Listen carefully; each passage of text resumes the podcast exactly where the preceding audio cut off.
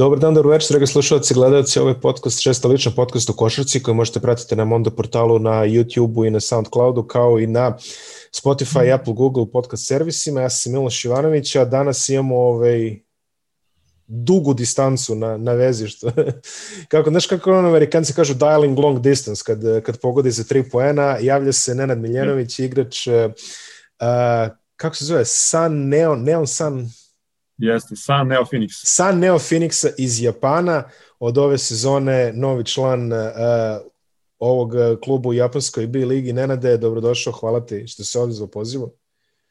Pre svega hvala tebi na, na pozivu i pozdrav svim slušalcima, kao što si sam rekao, iz dalekog Japana. Uh, Nenade, doći ćemo do Japana već ovaj, polako, ali ajde da počnemo malo, ovaj, da nam pričaš malo o tebi, o tvojim početcima karijere, neki prvi trag onog o tebi koji imamo kao košarkašu je u dresu Partizana u suštini, tamo na 2011. 12. Da, pa ja sam do tada nastupao za, za vraćanje za FNP u mlađim kategorijama i onda sam sa 18 godina, kada je trebalo da potpišem prvi profesionalni ugovor, e, odlučio da to bude Partizan.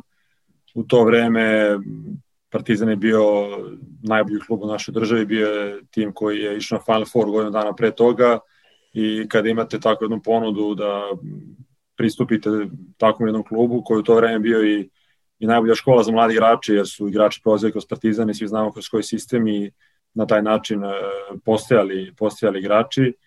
Takva ponuda se prosto u to vreme ne odbija, iako sam već posle godinu dana napustio Partizan i nije imala kraj kakav sam ja i kakav je klub želeo, e, prosto u tom trenutku i dalje mislim da je to bila najbolja odluka za mene. E, I tako je to počela moja seniorska karijera, posle već i, i ti znaš kako to, to dalje ide, možeš i da me pitaš šta ti interesuje i da uvedeš i slobodno. Da ne pričam ja sad ono, e, te godine ne, ne, sam to, to, to, to, te sezone, to, to, to, to, slobodno. Važi, važi, ali evo, prvo, kažeš, zadržao se u Partizanu samo godinu dana. Sada kada bi mogao da premotaš taj neki svoj rani početak sezone, jer ti si išao a, malo ajde da kažeš obrnutim putem. Išao si prvo Partizan, pa onda neki drugi klubovi. Bio si u Radničkom, bio si u Megi i puno si se zadržao u Meginom sistemu. Sada kada bi mogao da biraš, da li možda igrao, birao da igraš u Megi prvo pa u Partizanu? Pa vidi, tada je bila situacija drugačija. Mega nije bila što je bila danas. E, Mega je tada igrala KLS, tek je počela da se razvija kao klub i daleko je to bilo od ovoga što je trenutno sa NBA projektima i tako dalje. E, Mega je sada naravno napravila kroz ovih 10 godina ogroman pomak i međutim tada sam ja važio iz jednog od najtalentovanijih igrača u Evropi i neki moj prirodan korak je bio da idem u, u jedan od a, klubova u tom trenutku iz Evrolige, prosto da potpišem neki klub kao projekat, s druge strane Partizan je platio obeštećenje FNP u to vreme, što je meni davalo neki signal da su oni veoma zainteresovani za mene i da će prosto da će biti projekat kluba na, na duži period. E, takva je situacija bila da je u tom trenutku Vlad Jovanić bio trener, e, gde sad tek iz ove perspektive malo, malo bolje kad pogledam šta je Vlada e, šta je Vladu sačekalo nakon što je Dula otišao, prosto je ogromno breme za, u tom trenutku za mladog trenera koji je morao da napravi istat rezultat sa, sa timom, jer Dule Vojošović odve Partizana Final Four i osvojio je toliko ABA liga i toliko trofeja, stvarno je E, ostaju neizbrisi trag, gde kogod da došao sledeći bio bi ogroman pritisak i to je moglo samo da se kompenzuje rezultatima, sve ostalo bi bilo veliki neuspeh, tako da iz ove perspektive potpuno razumem vladu što u tom trenutku nije moglo da mi pruži šansu te prve sezone i ja sam se odlučio na odlazak na pozemicu Megu, što mislim da je bio, da je bio pun pogodak, jer sam tu Super ligu sa, sa 18-19 godina odigrao na, na jednom dobrom nivou, gde sam i Zvezdi Partizani ubacio 20 poena, odnosno uh, video sam da mogu da igram protiv njih. Uh, biti igrač Zvezdi Partizana je nešto drugačije, ali to samo poznanje kada dobiješ igrajući protiv tih timova i, i vidiš da možeš, to ti daje postrek za, za neki dalje rad i osjećaš se um, konforniji u svemoj konkurenciji da ćeš moći jednog dana nešto da napraviš. A sada kad već imaš to iskustvo, znači bio si u Partizanu, nisi imao neku određenu minutažu, važio si za jako perspektivnog playmakera tih godina, bio si član mladih reprezentacija i tako dalje i tako bliže. Sada kada pogledaš unazad, znači imaš iskustvo i neigranja, a onda imaš iskustvo i igranja, Uh, šta mladi igrač najbolje može da radi u toj situaciji? Sad kad eto iz nekog tvog iskustva znači ne govorimo sad Partizan ili Zvezda ili bilo ko treći nego kako on može najbolje da proceni situaciju šta se njemu najviše isplati u tom trenutku? Kako da reaguje ako se nađe neko, u nekom situaciji kao tvoj a svake godine se nađe neko situaciji kao tvoj po meni nema pravila, nema generalizacije, naš, za neko je bolje da se razvije kao igrač do 22. 3. godine u Evropi, da stasa pa da onda je nekim daljim korakom recimo u NBA, imate primjere da su igrači otišli sa 18 godina kao što je Gasol, Kirilenko, Parker otišli su u NBA pravo i napravili su e, sjajne karijere bez e, tog euroligaškog koraka koji su svi mislili u to vreme da je neophodan.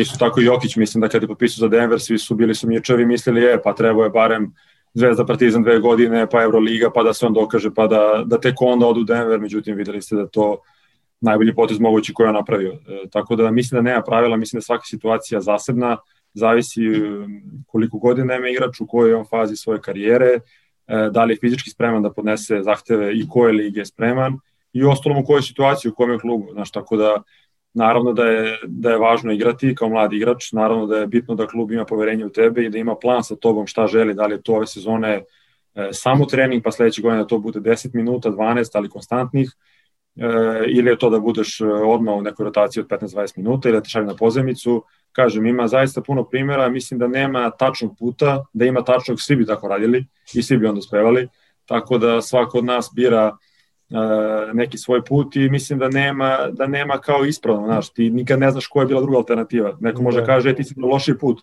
ali možda ova druga opcija koju si imao bila još, još toliko lošija, znaš, ti nikad ne znaš da li si imao koju si zapravo alternativu izabrao, ovaj, samo gledamo to krajnje rešenje i onda sudimo, e, mogu si nešto drugačije. Ovaj, tako da mislim da, da nema neke generalizacije, zavisi od igrača i zavisi ostalom ideje ide u koji klub ide, znaš, mislim da je, da recimo Denver i Jokiću idealno, idealno lega u tim trenucima, možda neka druga franšiza ne bi, ovaj, tako da, kažem, individualno. A, spomenješ Jokić, imao si priliku da ovaj, budeš njegov playmaker u sezoni 2014-15, ako se ne varam, kad je on čak i bio MVP, ovaj, MVP lige. A, naravno, on je danas to što jeste, je li, jedan od uh, najboljih centara u NBA, ako ne najbolji sada već i uh, definitivno neko na koga će srpska košarka moći da se ostane još dugo, dugo godina. Uh, imao si priliku da radiš sa njime već u fazi kada su, ok, svi su znali da je on nešto posebno, ali kakvi su tvoji utisci kada si počinio da igraš zajedno sa njime? Pa prvo ono što je bilo jeste lakoće igranja protiv uh, starih seniorskih igrača koje ja do tad nisam video. Ono kad kažu igra se košake, to je bila neka definicija gde je imao stvarno i dosta prostora za grešku kod, kod Dejana Milovića i, i Omegi, ali na taj način je morao da se razvije taj njegov talent koji ima. Mislim da je bio mnogo teži put recimo kroz Vezu i Partizan, mislim da je imao idealan put kroz, kroz Megu s obzirom na te, te njegove karakteristike i iskreno ti kažem, niko od nas nije očekivao da će on napraviti ovo što trenutno, što trenutno radi. Prosto za nas je to bila neka druga dimenzija da budeš on all star NBA prva petorka, to je bilo nemoguće, nestvarno. Uh, on je, mi smo zajedno igrali dve godine u Megi, on je baš između te dve sezone išao u Ameriku da radi individualno i onako vratio se sa drugačijim telom. Uh, znatno je napadao u tom pogledu, imao je odličnu sezonu, on je bio te zone prve NBA lige, ja sam bio drugi. I to je nešto bilo u posljednjem kolu se, se rešavalo, Ove, tako da onda smo putevi, putevi razvojili, on otišao u Denver, ja sam otišao u Jel, namer, jel namerno promašivo na tvoje ove dodavanje? Pa Pomoš namerno poskoči opet, pa tako hvala, znaš, meni nula, njemu četiri. Šalim se, ovaj, šalim se, nije, ovaj, bila je, ovaj, bila je, ne, bila je fair track. Na kraju, da, da, sve to, sve to ovaj, normalno ovaj, kažem, razvojili smo se putevi, ali ono, on je definitivno jedan od najtalentovanijih igrača, ako ne najtalentovaniji s kojim sam ikada igrao, Uh, vi odmah vidite taj njegov pregled igre i bilo mi je mnogo lako da igram sa njim. Da li je bila lopta kod mene, kod mene ili kod njega, bilo manje važno, jer kad je kod njega, on je bukvalno playmaker u tim situacijama i vidi, uh, vidi teren izuzetno. Isto tako kada sam ja bio na lopti pa sam igrao pick and roll sa njim, bilo mi je lagano jer jer e, nije promašivan asistencije, znaš, on to ne promašuje te, te flotere ovaj, u nekom short rollu, to kad, kad mu gurnem, mu dodam pas, ovaj, onda, onda on to ne promašuje. Tako da bilo je stvarno, kao i sa svakim igračem koji zna da igra, lako je bilo igrati. Otišao si iz Mege u Sevilju. Odlučio si se za ACB ligu, najjaču evropsku ligu, još uvek i tad je bila. E, ostao si samo godinu dana. Kakva su tvoje iskustva koje nosiš iz Andaluzije? Iz Andaluzije generalno fenomenalno, znači to je verovatno najlepši grad. Pazi, živeo, živeo sam u Andaluziji, tako da. e, u kom gradu si živeo? La Linea de la Concepcion, znači između, Alhes, između, Alhes, između Alhesirasa i Marbella. Dobro. Eto. Ok, ok, znam, da, da, da. Bio sam u oba grada. bio sam oba. Uh, Sevilla je najlepši grad u kojem sam ja bio. I imao sam sreću da sam živeo njemu eto, godinu dana. E, sa te strane, sve što sam životno tamo pokupio fenomenalno. Naravno, košarkaški bio je veliki prelaz iz, iz Jadranske lige u, u ACB ligu. E, kao, znaš, sad mi je iz, iz ove perspektive gledam drugačije na tu situaciju jer sam bio baš tamo gde treba da budem sa 22 godine u, uh mhm. -huh. u ligi Evrope, odnosno tamo gde sam planirao da budem. Uh mhm, -huh. Možda sam malo očekivao previše od sebe u toj prvoj sezoni e, s obzirom na jednu jako dobru sezonu iz Megije. Očekivao sam možda e, bolju adaptaciju, e, bolje partije, a možda nije bilo realno u tom trenutku, trebalo da bude malo strpljiviji, da sagledam svoju ulogu na, na drugačiji način, ali to je prirodno sa godinama generalno svi naši reprezentativci, barem ja s kojima sam igrao, što sam pratio, svi su imali te turbulentne prve dve, dve tri sezone u instanstvu za kogod igrača da, da, da, da pričamo o njemu, stvarno je uvek to malo simptomatično da te prve sezone budu adaptacija na, na sve, znači na novu ligu i na, na saigrače, na uh, to da prvi put živiš sam, na malo sve drugačiji neki košarkaški identitet koji ti prvi put tražiš van svoje zemlje i treba vremena da sve to složi, da dobiješ e, rutinu u, u, u svemu tome i za toga onda možeš da, da gradiš dalje. Tako da, e, eto, bi možda malo strpljiviji u toj prvoj sezoni, ali su si sjajni jer sam igrao protiv najbolji tim u Evropi protiv Reala Barcelona, igrao sam protiv igrača koje sam tad, pa gledao na TV, Juan Carlos Navarro, Sergio Rodriguez i to su neke stvari koje, koje pamtiš za uvek. E, žao mi je što ja sam imao tamo trogodišnji ugovor, uh mhm. -huh. međutim Sevilla je upala u finansijsku krizu to leto i bio je problem sa vlastičnom kluba jer je banka koja je bila sponsor kluba izašla i onda je bilo Beše pitanje da će... Kakasol ili... E, prvo je bio Kakasol, posle je bila Kaiša. A, Kaiša, a Kaiša, da. Kaiša, da, i Kaiša je onda izašla iz, iz kluba jer su samo tu godinu pomogli jer je Kakasol pre toga bio pa je uh mhm, -huh. izašao, pa je onda Kaiša na, na godinu dana pomogla uh, klub i onda je bilo pitanje da će klub postojati. I onda u, u dogovoru sa, sa mojim agentom Miškom Žnatovićem, naravno i, i porodicom, uh, usledila ponuda Pauka, gde u Sevilji ja nisam znao još uvek na čemu su, da li će postojati, da li neće i, i prekinuli smo saradnju. E, na, posle toga, eto, mesec dana kasnije, Betis, futbolski klub Betis je ušao mm. u klub i od tada se klub zove Betis i funkcioniše kao, kao deo sportskog društva e, Betis. Da. Tako da iz toga prelazim, prelazim u Pauku. Eto, A, pre nego što pređemo samo na, na priču o Pauku, jedna stvar, kažeš prvi put e, strana zemlja, prvi put si sam i, i sve to. A, dolaziš u Španiju, zemlju koja ima solidnu istoriju stranih igrača sa naših prostora, neću kažem samo Srbije, već kažem cele bivše Jugoslavije. Da li u Španiji još uvek kada dođeš kao mladi perspektivan košarkaš iz Srbije, da li još uvek postoje neka povećana očekivanja u odnosu na, na neke ostale strance?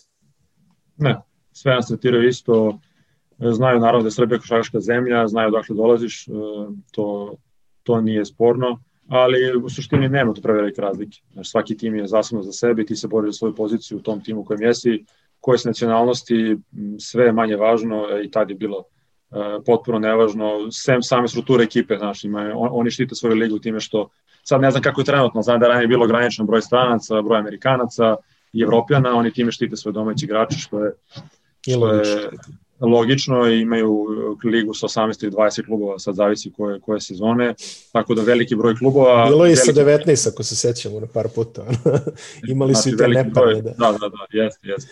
Veliki broj e, klubova koji daju, gde španski igrači imaju prostor da dobiju posao. I onda oni, znaš, oni vremeno imaju, imaju dovoljno vremena da uh, i kroz, posle 26. 7. 8. dođu u neki veliki klub ako su zaista za to jer su pre toga bili u, u, u 6-7 sezona u jednom ozbiljnom sistemu, jakoj ligi i dobrom klubu, imali su vremena da istrpe. Mi imamo mnogo manji broj klubova kao, kao Srbija koji igraju ozbiljno takmičenje.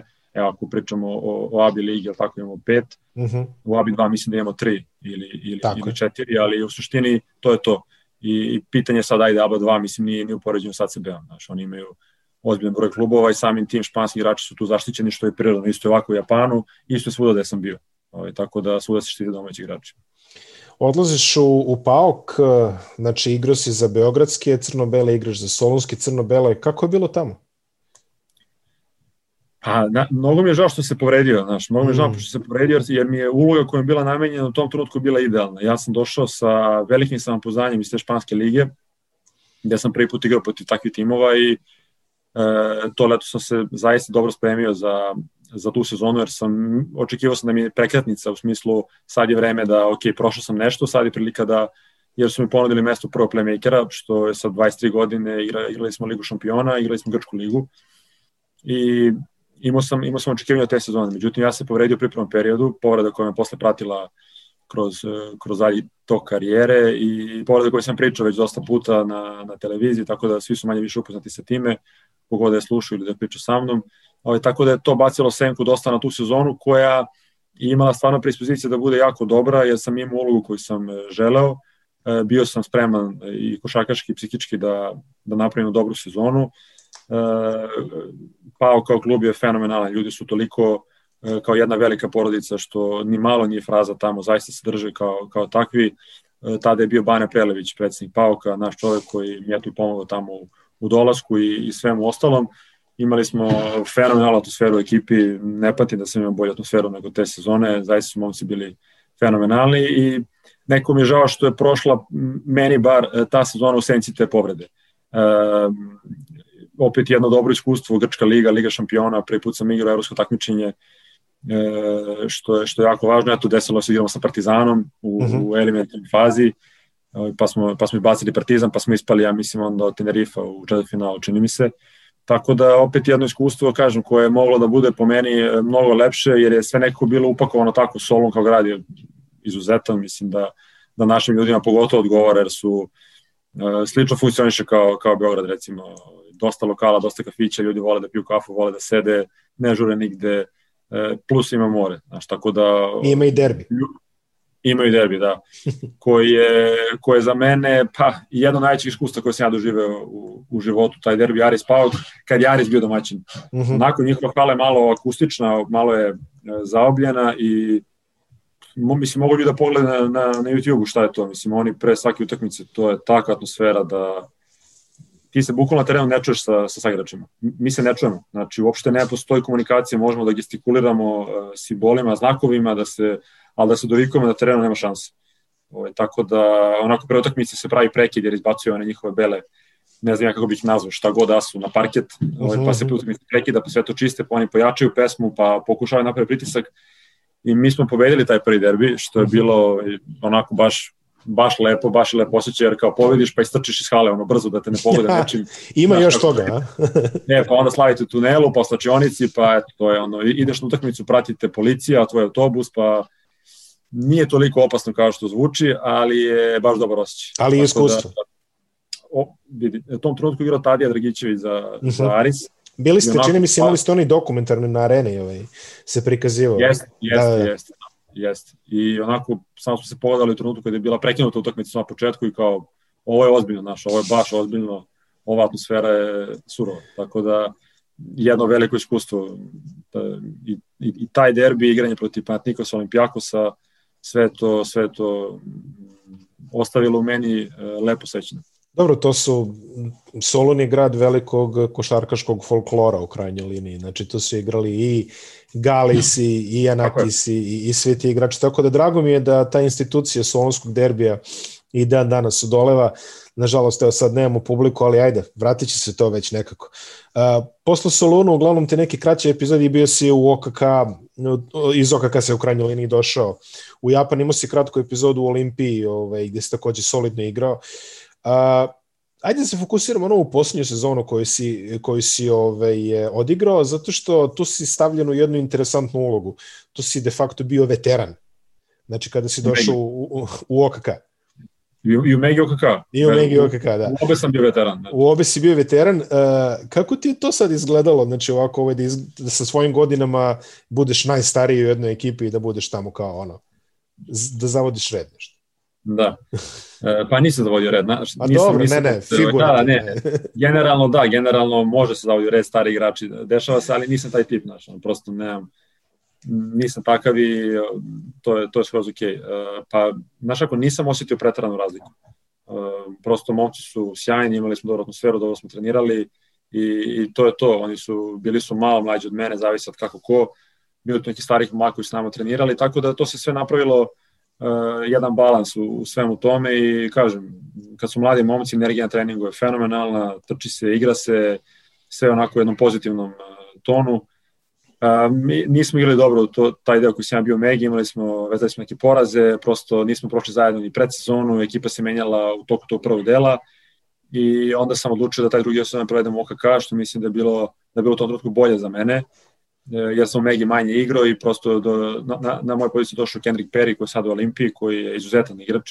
Mm. i imali smo mislim jednu ili dve pobede i e, prošle godine je bilo ispadanje aba lige, E, tako da klub je morao da, da reaguje da se prosto e, pojača i da, da drugi deo sezone bude bolji kao što je bio, a ja sam u tom trenutku odlučio da za mene najkvalitetnije da igram, jer sam ja imao jako male broj utakmica u protekle dve, tri sezone od tada, jer sam propustio jednu celu sezonu zbog igranja, sledeću sam bio u OKK, e, pa sam onda otišao u Olimpiju na dva meseca i završio sam sezonu u martu, jer nisam imao pravo da igram slovenačko prvenstvo, s obzirom na limit broja stranaca, E, tako da nisam imao puno utakmica i nisam imao tu rutinu koja je bila neophodna da bi se vratio na onaj stari nivo. E, tako da OKK mi je puno pomogao sa trenerom e, Brankom Jesaljevićem i e, celom tom ekipom. Opet mladih igrača gde sam opet bio još veći mentor nego Megi jer sam bio još stariji u smislu u odnosu na njih i onda, ali kažem ti, baš imaju dobru energiju, znaš, mladi igrači, mladi ljudi imaju dobru energiju i onda se to i prenesi na tebe i, i uživali smo jer smo imali, mislim da smo imali 9 pobeda u tom drugom delu, imali smo skor 9-5 recimo, da smo puno utakmice pobedili i dobro smo trenirali, dobra atmosfera bila, tako da meni je taj period OKK baš prio, da povratim i rutinu i samopoznanje i malo da se osvežim. Tako da iz toga onda došla i ova prilika za Japan. Um, hajde ispričaj nam sad nešto što, mislim, evo, ova sezona već, već traje um, neko vreme, ali eto, ti si bio član OKK kada je došlo do prekida sezone zbog uh, pandemije COVID-19 virusa.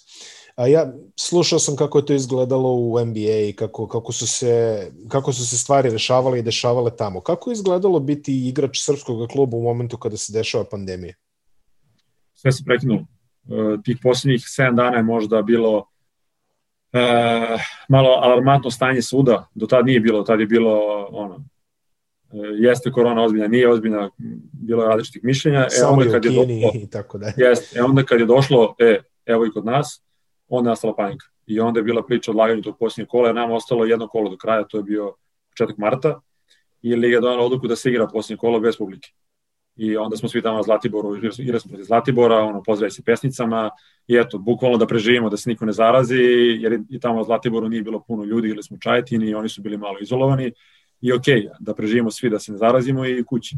I to već slačevanicu su nam rekli da je e, vanredno stanje počelo, zvanično, i onda je nastao potpuno prekid. I onda više niko nije igrao, nije trenirao, onda je bio prekid, e, sve sale su bile zatvorene, niko nije mogao da ulazi u, u zatvorene prostore, tako da imali smo jednu dužu pauzu nego inače, što se odrazilo sigurno na početak sezone, na broj povreda, na kvalitet igre, jer obično sezonu završavamo u junu, mhm. -huh. a ne u martu, što je razlika od tri meseca, ozbiljna razlika, jer ti ako ne igraš šest ili sedam meseci i tri, je ogromna razlika.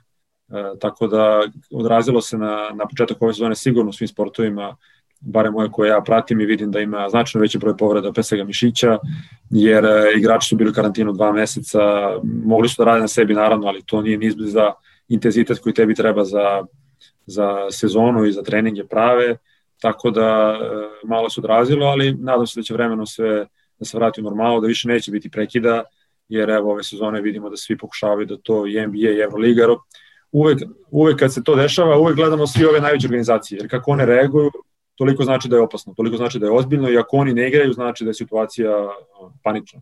Tako da kad smo videli da je NBA stao koji će izgubiti toliko novca od, zbog toga što je stao, znači da je mora da stane. I onda vidiš da je, da je situacija kao recimo Liga šampiona u futbolu.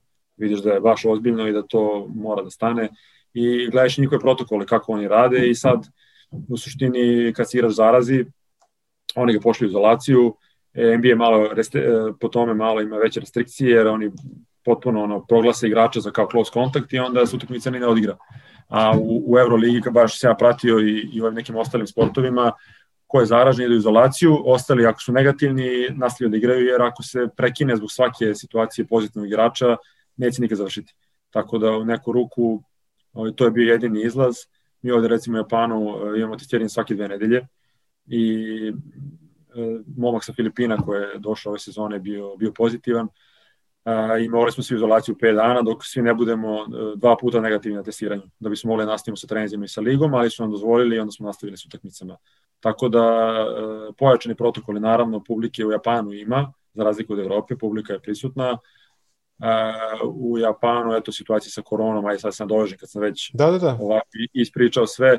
Situacija je u suštini e, nije niko ovde ne paniči, niko ne priča o alarmantnom stanju, iako je uvedeno vanredno stanje, međutim to je samo da prodavnice i, i restoranje rade do 20 časova. Uh mhm. -huh. Tako da nije to ništa specijalno i dalje na utakmicama, nose svi maske, svi vode računa, tako da e, to je za sada ovde, igra se s publikom i tako da dalje, nadam se da ćemo završiti sezonu. Aj samo malo da premotamo nazad, kako si uopšte došao u Japan?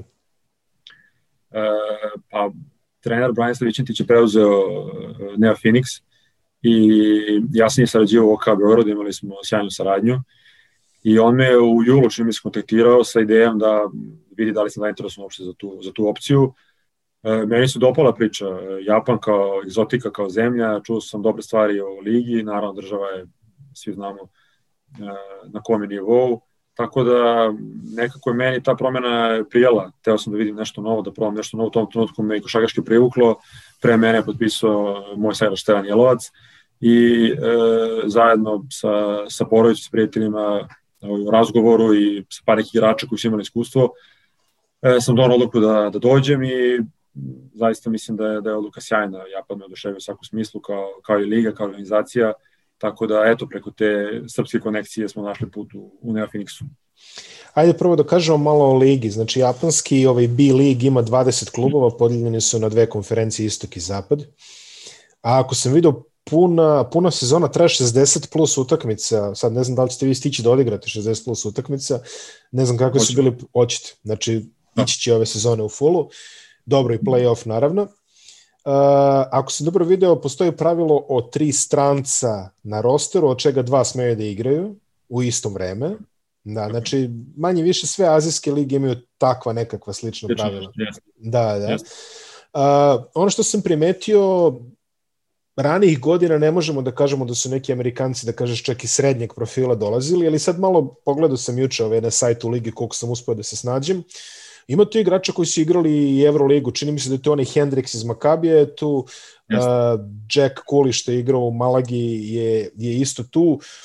Uh, evo, zapisao sam još par nekih interesantnih imena. Dešon Thomas je tu, Dešon Thomas najveći mi verovatno. Ok, Dešon Thomas je tu, tu su bivši igrači Partizana, Kevin Jones i ovaj, uh, Mekadu. Uh, Uh, što se tiče, naravno da moramo da spomenemo legendu ove japanske košarke Nika Fazikasa koji ono ovaj tamo već e, koliko 10 godina, čak i reprezentativac Japana ako se dobro sećam. Ima pasoš, da, dobio pasoš i on je dugo I i dalje i dalje ovaj prvi među prvim strelcima ako sam dobro vidio tamo negde ima 20 kusur po po utakmici. Um, tu su naravno i, i neki naši košarkaši, vas dvojicu smo spomenuli, uh, trener Bane Vićentić, bivši igrač Beobanke za ove koji, koji, koji su pratili tu eru, uh, Luka Pevićević i dalje u Tokio Alvarku, još jedan bivši igrač Beobanke između ostalih i, i svih ostalih klubova. Uh, koji su neki tvoji prvi utisci, ajde da kažemo ovako, mislim, prošlo si znači košarku u Srbiji, u Španiji, uh, u Grčkoj. E, kako izgleda biti profesionalni košarkaš u Japanu sa te neke strane trening, e, pripreme, organizacija, klub, kako izgleda i sve to?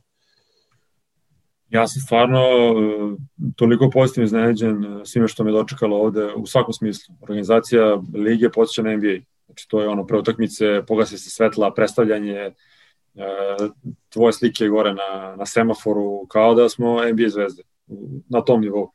Ovaj, tako da organizacija lige je izuzetna, e, zaista puno uložu u ligu, e, mislim da su budžeti timova jako ozbiljni i što pokazuje po imenima koje su doveli poslednjih par godina, stvarno su to evroligaške imena, gde Dešon Tomas je prošle godine imao mislim 14-15 pojena po meču u Euroligi pa je se odlučio da, da dođe u Japan.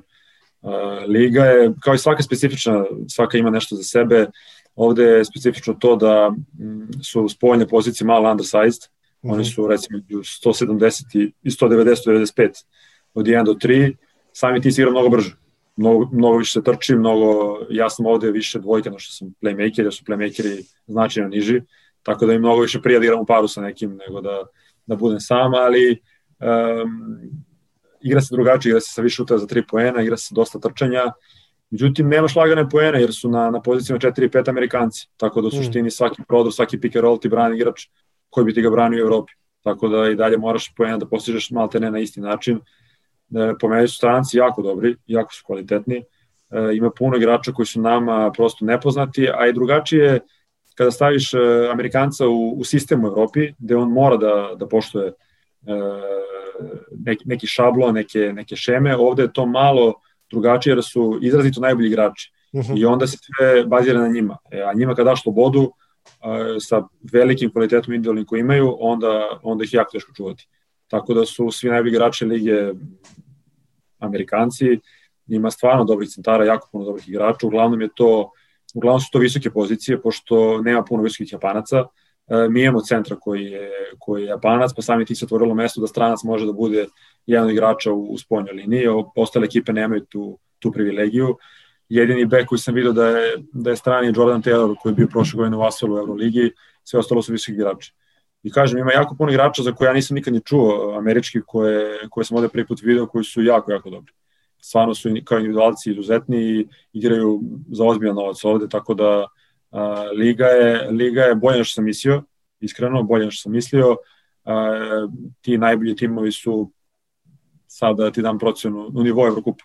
Mm -hmm. Znaš, ti prvih 6-7 timova su jako ozbiljni i igra se stvarno dobro košaka, tako da meni liga odgovara, meni liga generalno odgovara, um, jer su za nijansu slabija tela nego u Evropi, uh mhm. -huh. i onda taj kontakt se manje osjeća u, u spoljnoj liniji, što meni više odgovara kroz pick and roll, kroz uh, tako te situacije. uh, tako da za sada sam, za sada sam stvarno pozitivno iznenađen svime, E, ljudi u klubu, organizacija je neverovatna. Njihova radna etika i želja da učine sve za tebe, da se ti osjećaš ovde konforno je, je nestvarno. Tako da i na slobodan dan, i Fiđa da dođe da, da napravi masažu, terapiju, šta god ti treba, nije mu teško da dođe do, na, na njegov slobodan dan i na tvoj slobodan dan, što nije, znaš, on je posle šest dana radnik, on dobije taj jedan slobodan dan i on je čovjek i on bi da odmori. Kod nas bi ti realno fizio rekao je, vidi, evo me na ručku, čujemo sutra, znaš, dođi pre treninga da uradimo masažu, nemoj sad što je skroz ok, znaš, to je kod nas da, da. prirodno. No, a ovde pita veče pre, jel treba nekom sutra masaža, terapija, pošto smo mi svi, svi strani igrači smo u zgradi i onda tako su nas mestili, onda on pita nas je kome treba, neka javi, ja ću doći, bit ću tu i on dođe pa ide po stanovima i, i onda i radi. Znači, tako da on to doživlja kao svoj posao, ne postoji e, opcija razmišljanja da ga on ne obavi na taj dan ako nekome treba. Tu je da ponudi, ako niko neće, naravno i on voli slobodan svoj dan. Znači da se ne lažemo, nije kao on bi sada radi, ali tako doživlja svoj posao da i taj dan on pita ali nekome treba, ako ne treba super, ako treba doći ću i tu nema puno polemike. Odlično, a reci mi, uh, azijska košarka u ajde da kažemo, poslednjih deseta godina u nekoj ekspanziji i imali smo primere, mislim, znamo koje su velike zemlje tamo, Filipini pre svega, uh, Južna Koreja ima jako dobru ligu i takođe ovaj, se u posljednje vreme, naravno to su zemlje kao što je Iran e, i Jordan za koje već znamo od ranije.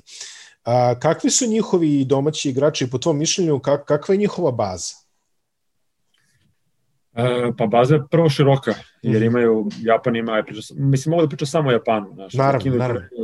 ne znam, e, nisam dovoljno upućen, Japan ima 125 miliona ljudi i mm -hmm. veliki broj je zaista zaljubljen košarku i vole da igraju i puno puno, puno deci trenira, masovno je, kao što više ima liga 20 timova, treba skupiti toliko igrača da igraju 20 Jeste timova. čudna stvar da imaš 20 timova u ligi, iskreno, da, pogotovo. I da može da se popuni stvarno da, timovi da. kvaliteta u smislu nema niko ko je mnogo loši od drugih. Znači, svako, mm -hmm. svako može da pobedi, ima timovi koji su bolji, ali ovi koji su niže na tabeli su, su sasvim dobre ekipe, imaju, imaju dobre Japance.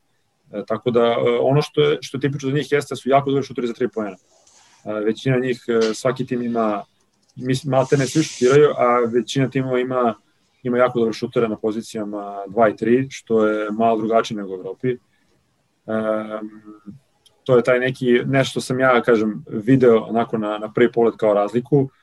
E, što se tiče same, same košarke, već sam ti u suštini rekao, kvalitet po meni je, po meni je dobar. Mm -hmm. Japanski igrači su malo atipični, malo uh, niži su, fizički su, fizički su dobri, spremni su naravno svi, dobro što je za tri poena i pitanje adaptacije, znaš, pitanje adaptacije na tu ligu i tvoje, sad, da li bi se oni snašli u Evropi, e, ne znam, sumnjam, znaš, teško bi se snašli oni kao pojedinci u Evropi, ali u tom sistemu, u toj ligi gde su oni domaći, gde, gde znaju kojim e, stilom se igra, tu su dobri, tu njima odgovara. Kad bih izveo zasebno kao jedan po jedan dođe u Evropu da igraš, e, mislim da, da ne bi puno njih moglo, na nekom ozbiljnom nivou pričam o, o nekim da, da, da. Ali, ali kada si u ovoj ligi, onda si ti taj koji se njima adaptira i to je to. Sad ne znam da li si ti ovaj, dovoljno, dovoljno star da se sećaš igrice sa automata Street Hoop, ali ljudi moje, gene, e, ljudi moje generacije pamte tu igru i uvek znaju da su, uvek smo birali Tajvan i, i Tajvan i Japan jer su imali najbolje šutere za tri. Tako da ovaj očigledno vidiš pokazalo se pokazalo se istinito, ovaj, pokazalo se istinito i u praksi. Um, reci mi, e, ti uh, Saneo Phoenix igra u, kako se zove, Toyohashiju. Jeste. Jeste vi smešteni tamo? E, pa, znaš kako, e, Toyohashi e, jesmo, Uh mhm. -huh. to je grad od 300.000 stanovnika na ostrovu Honshu, udaljen je od Nagoje sat vremena. Da, to je Aichi prefektura, ako sam dobro video, da, yes, tako da Nagoja, da. Na, to je da upoznam gde se nalazimo, ono, da, čisto da im... Uh mhm, -huh. Mhm. od Tokija je 4 sata kolima, uh -huh. što je sve vozom, naravno, mnogo brže, ali, ali otprilike taj neka razljina. Um, igramo utakmice, imamo dve hale. Jedna je u Toyohashiju, druga je u Hamamatsu, to je grad pola sata od, od Toyohashija E, ono što je tipično malo jeste da treniramo u drugom gradu, odnosno trećem, koje to je Kava, on je preko puta, aj kažemo kao recimo Beograd, Novi Beograd, uh -huh. to je Haši, ono, sa dve strane, sa obe strane reke, tako da nama treba do, do, trenažnog, do trenažne sale nekih pola sata kolima svaki dan, ali su nastavili u Haši jer je grad kao grad bolji za život. To je kao je onako više podsjeća na selo, nema puno stvari, nema restorana, više, više kao, kao, kao neko selo, to je onako grad, ima, ima centar, e, restorani, kafići, sad sve to malo manje radi, malo više mi izbegamo zbog korone, jer smo ipak profesionalci, ne možemo baš da se puno krećemo, da dovedemo i sebe u, u poziciju da se zarazimo i eventualno celu ekipu, što bi značilo i prekid neki neigranje utakmice, tako da imamo savjet od kluba da, da se pričamo što je više moguće i e, u suštini gradit će mira naš, ne, ljudi nisu na ulici nakon 6-7 sati, sve restorani sa rade do 8, ali ulice su suštini prazne. Oni, e, pa japanska kultura je takva da oni ranije večeraju, negde oko 6 sati recimo, i ranije ležu oko uh -huh. 10 ili 10 11 i tako da na ulicama teško će neko vidjeti u 9 sati da sad šeta da ide negde, baš je, baš je redko.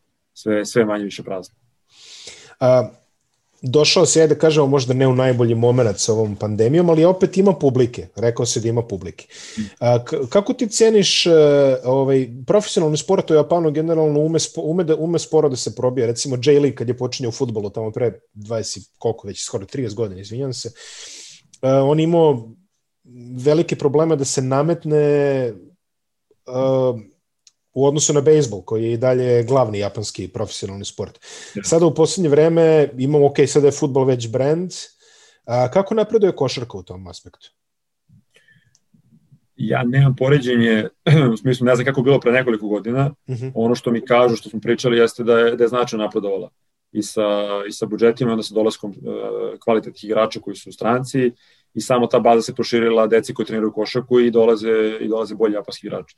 Tako da njihova reprezentacija, ono, gledao sam za sasvim pristojno, e, to su sve najbolji igrači u ligi japanski, tako da oni su uspunu sigurno. Po meni je ovo e, istok i generalno Azija, danas Australijom je e, sigurno budućnost košake. Mm -hmm. Sad, u, u kojoj meri, e, definitivno će po meni sve više igrači prelaziti ovde, jer su e, finansijski e, isti kao Evropa ili bolji ili u tom nekom e, u tom nekom poređenju E, organizacijno su fenomenalni, igrači se izuzetno poštuju, odnos igrača i, i ljudi iz kluba je izuzetan, tako da e, trenira se normalno, u smislu ima toliko utakmica da igrači ne sežu treniraju, ono, bude jedan trening dnevno, sat i po vremena i to je to. Tako da sve su neke stvari koje igrači vole, koje im odgovaraju. E, Japan kao zemlja je fenomenalan, tako da samo pitanje tog prelaza da ti prebrodiš to je kao idem na, da, da živim u Japan, na daleki istok i daleko sam od kuće i to je sve. Znači, sve mislim da, da je ovo po organizaciji, po svemu će biti e, e, i Japan i Australija, sad verovatno Kina, e, budućnost, e, budućnost košake. Jel postoji neka bojazan od tebi kao profesionalnom igraču oko budućih angažmana, jer se sad otišao u Aziju kao relativno mladi igrač ranije, znaš da je važilo da odeš u Aziju tamo pred kraj karijere?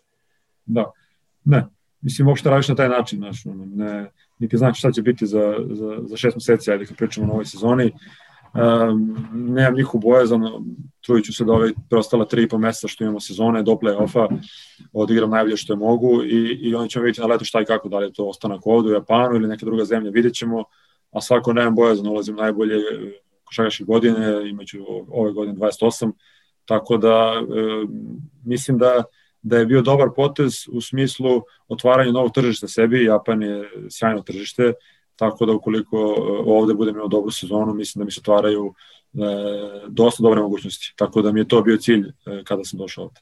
Amerikanci koji su igrali u Južnoj Koreji govore otprilike identično kao ti. Znači, ako te zapamte tamo na istoku, ovaj, e, kao pouzdanog igrača vraćat ćeš se često i uvek će biti otvorena vrata za tebe, tako da potpuno se slažem sa ovime što si rekao, barem mislim iz onoga što sam ja čitao. Uh, reci mi, uh, ajde malo o životu u Japanu, šta, šta je bio najveći kulturni šok kada si došao?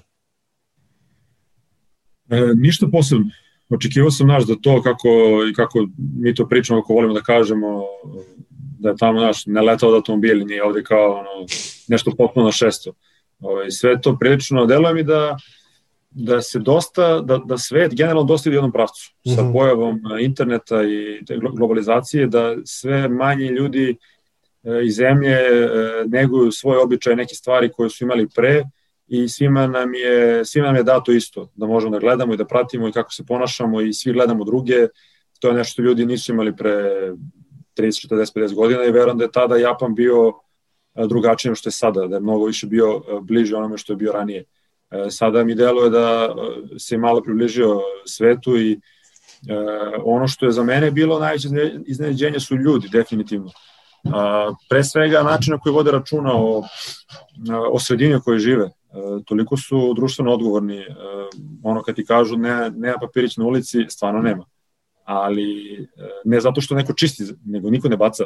Mm. Znaš, neće biti čoveka na ulici koji će nešto da baci. Prosto je on zna da time ugrožava svoju sredinu i da to nije dobro ponašanje i da niko to ne kažnjava, niko to, ali oni imaju svest o tome da e, žive u jednoj zemlji koja je izolovana ostrovo je i da koliko oni budu vode računa o njoj, e, toliko će ona i takva će biti.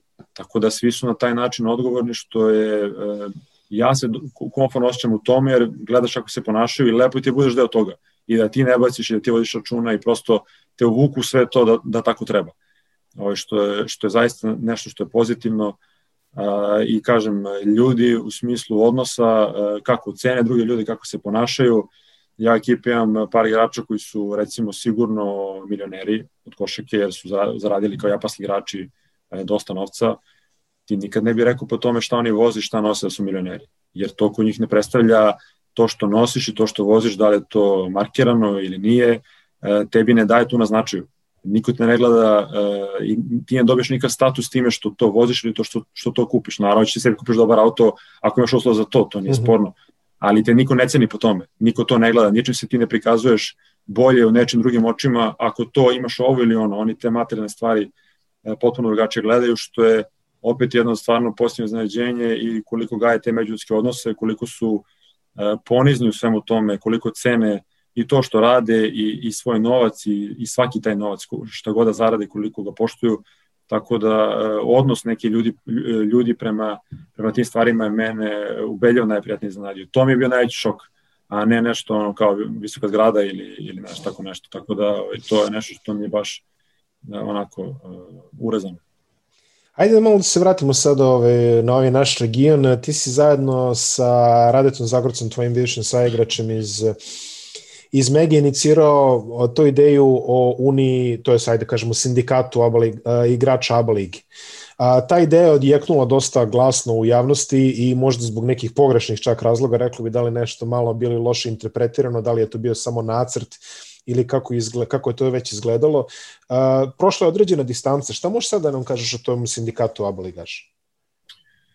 To je igrača ABA Ligaš, izvinjam se. Da naletule na, naletule je toko leta na onako podeljene, podeljena mišljenja. E, igrači naravno koje smo mi s kojima smo kontaktirali, koje, s kojima smo komunicirali celo leto, e, ni, nismo ni radi ni ja, ni, ni radi ni ja sedeli pa kao došli ideju ja i pravimo on igrač. Mm. E, kao mogli bi, nego to nešto što u razgovoru sa igračima već nekoliko e, godina iza nas, e, ne kao konkretno Unija, nego e, mogli bismo možda ovo ili da promenimo ovo ili možda bi moglo ovo, to je to su bili stavovi svih igrača iz Jadranske lige. To nismo nas dvojica napravili našu uniju, pa smo mi sad našli da to privatizujemo i da pričamo o tome. To kontaktirali smo uh, vodeći igrači svih klubova koji su apsolutno svi bili za tu ideju. Tako da s te strane smo imali njihovu podršku koji su znali čitav program i, i plan i uh, mi smo svesno izašli sa tim pred ligu i pred klubove u želji da prosto modernizujemo ligu, jer svaka ozbiljna liga ima trenutno igrača i nema razloga da Jaba liga nema, jer je to korak napred e, igrači, Iako ja nisam deo ABA lige, e, bio sam šest sezona deo Jadranske lige, tako da sam prošao i sva ta gostovanja, i hotele, i putovanja, i hale, i igrao proti svih klubova, tako da e, znam šta sam prošao i o čemu pričam i koje stvari mislimo da bi mogli da su naprede. Imeđu ostalo igrači koji igraju na stranstvu, pa vide, e, vidi kako je ovde, kako ovo, kako ovo, pa e, što ne bismo kod nas. I onda smo mi to sve napravili, jedan e, skup stvari o kojima smo, oko kojima smo teli da razgovaramo sa ligom i sa klubovima, da vidimo njihov stav o tome, vezano i za kvalitet putovanja, i za kvalitet treninga i organizaciju same lige, da se prosto poboljšaju uslovi igrača. E, Neko me u šali mi rekao, e, ide tamo Japan pa napravi tamo un igrač. Ja, mislim, ja dođem ovde, ne treba un igrač. Ovde un igrača ne treba, jer je sve kako treba. Sve idealno, sve imaš, znači ništa, ne postoji ni jedan problem.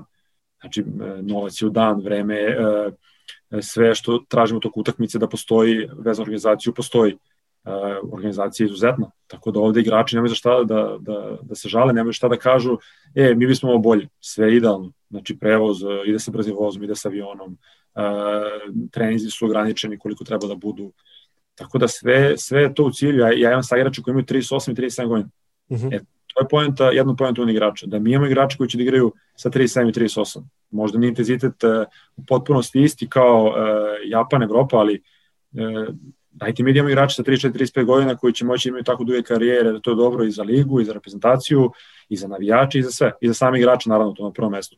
Ovaj, tako da, cijela ta naša ideja koja dalje naravno žive, dalje radimo na tome, malo ne znam zbog korone trenutno, jer je uh, i liga funkcioniše u otežanim uslovima zbog, zbog virusa, utakmice se odlažu, prekidaju, naravno liga napravila neki protokol COVID-a koji treba da se prođe, uh, i, i e, to je naravno pohvalno i pozitivno treba zaštiti igrači svaku utakmicu koja se odigrava, e, ali mi dalje radimo na tom projektu u saradnji e, i sa igračima i sa Aleksandrom Rašićem koji je naš generalni menadžer, e, tako da očekujemo da ovo leto nastavimo sa pregovorima sa ligom, jer prosto ova sezona je takva kakva je, e, mislimo da je samo dobro da se drži. I to je to. Sad ne, nešto tu se zahteva, se priča, Uh, nije trenutak, uh, samo da, da igrači ostanu zdravi, pa ćemo već sledeće godine pričati o, o uslovima i poboljšanju. Nenade, hajde da završimo tri najteže igrača za čuvanje, znaš već koje pitanje ide. U to je čuvano, da, čuvano. Uh, pa na, uh, ono što, što je Svi Nemoj samo kažeš da... neko sa treninga, molim te, to najviše e, mrzim kad mi dati, Da, da, pa, znaš ako svi će ti dati kao neko ono, ovaj, zvučno ime, zapravo najteže čuvaš neki igrače za koje nisi ni čuo, nepoznati su relativno to, ono, to, 10, to 30 mena.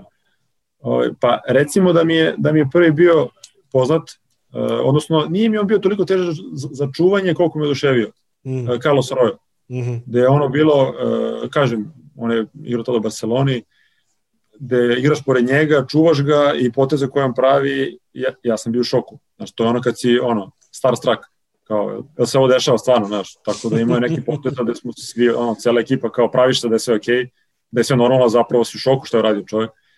Ovaj, tako da, da definitivno Carlos Arroyo.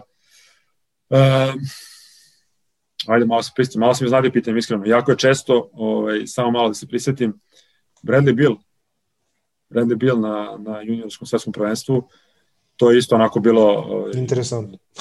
Interesantno, da, gde on i tad već bio onako prilično formiran igrač za trebao da pređe, čini mi se da je on bio na na Florida koleđu, uh, već je tad potpisao za njih, tako da već tada je bio prilično formiran i uh, nešto loše, lo, loše varijanti ovog brenda bila danas.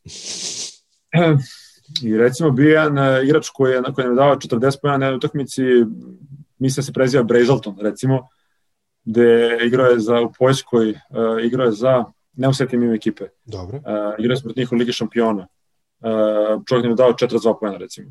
Playmaker od 175, gde niko nije mogao da, niko nije mogao da ga uvati i pogodio je, ne znam, devet trojki i to ono, ono utakmica kad si, on, ne možeš ništa da izgubili smo produžetku, sećam se, ali niko nije mogo da sačuva, radio šta je teo i eto, tako neki igrač gde sad sam se ja onako bukvalno prva tri mena, imena sam ti dao iz glave, znaš, kad bi malo razmišljam, možda... To je poenta, to je poenta. Možda biti malo naš, ali to su mi ta tri prva koje su mi ono prošle u glavu, negde na mojim pozicijama i koje sam ja čuo i tako da, eto, neka bude to. Neka bude to. Pa uvek je bolje da daš prva tri iz glave, znaš, to je nekako... Ovaj, to. Dao sam, ti jedan posle... Euroliga, jedan, dao sam ti jedan Euroliga, jedan NBA i jedan nepoznat. A mislim, ne, ne može bolje od toga, interesantno. Ne, ne, ne može bolje od toga. Nenade, hvala ti puno na izdvojenom vremenu i ovaj, puno sreće u ostatku sezone u Japanu. Hvala tebi puno što na pozivu i pozdrav svim slušalcima. Hvala ti. Ćao. Pozdrav.